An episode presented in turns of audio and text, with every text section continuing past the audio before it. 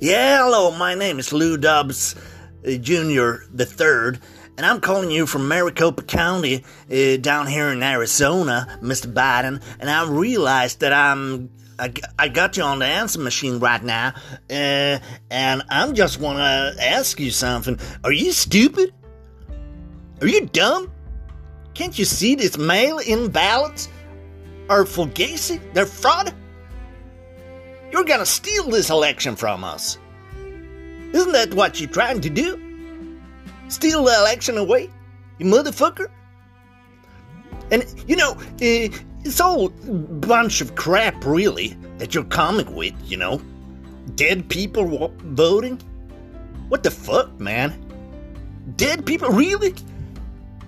Cats, parakeets, scary canaries, and all that shit you're pulling. I'm go. I'm. I'm gonna tell you. I- I'm sick and tired of this fucking shit, Mr. Democrat, Mr. Big Shot fucking Democrat.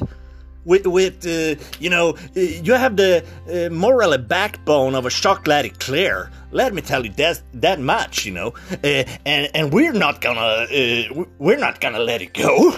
We're, not gonna look away, look that away, you know. really, we're gonna fuck you up. We're gonna tear your new fucking asshole, Mr. Fucking Democrat. You fucking asshole. You fucking piece of fucking shit. You, you, you listen to me now. I'm gonna kill you right the fucking now.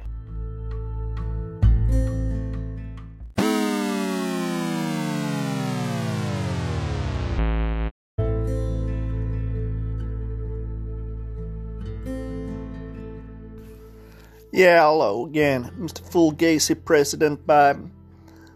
It's me again, Lou Dobbs Jr. the Third, and I'm calling here from Maricopa County, Arizona. And I'm just gonna say I'm sorry, man, but really I'm stressed out. But let me tell you this much: if you open your little sweet ass cocksucker there, and I'm gonna open up my fly, and what I give you to swallow you're gonna swallow. And then we call it truce. No no harm said and done, man.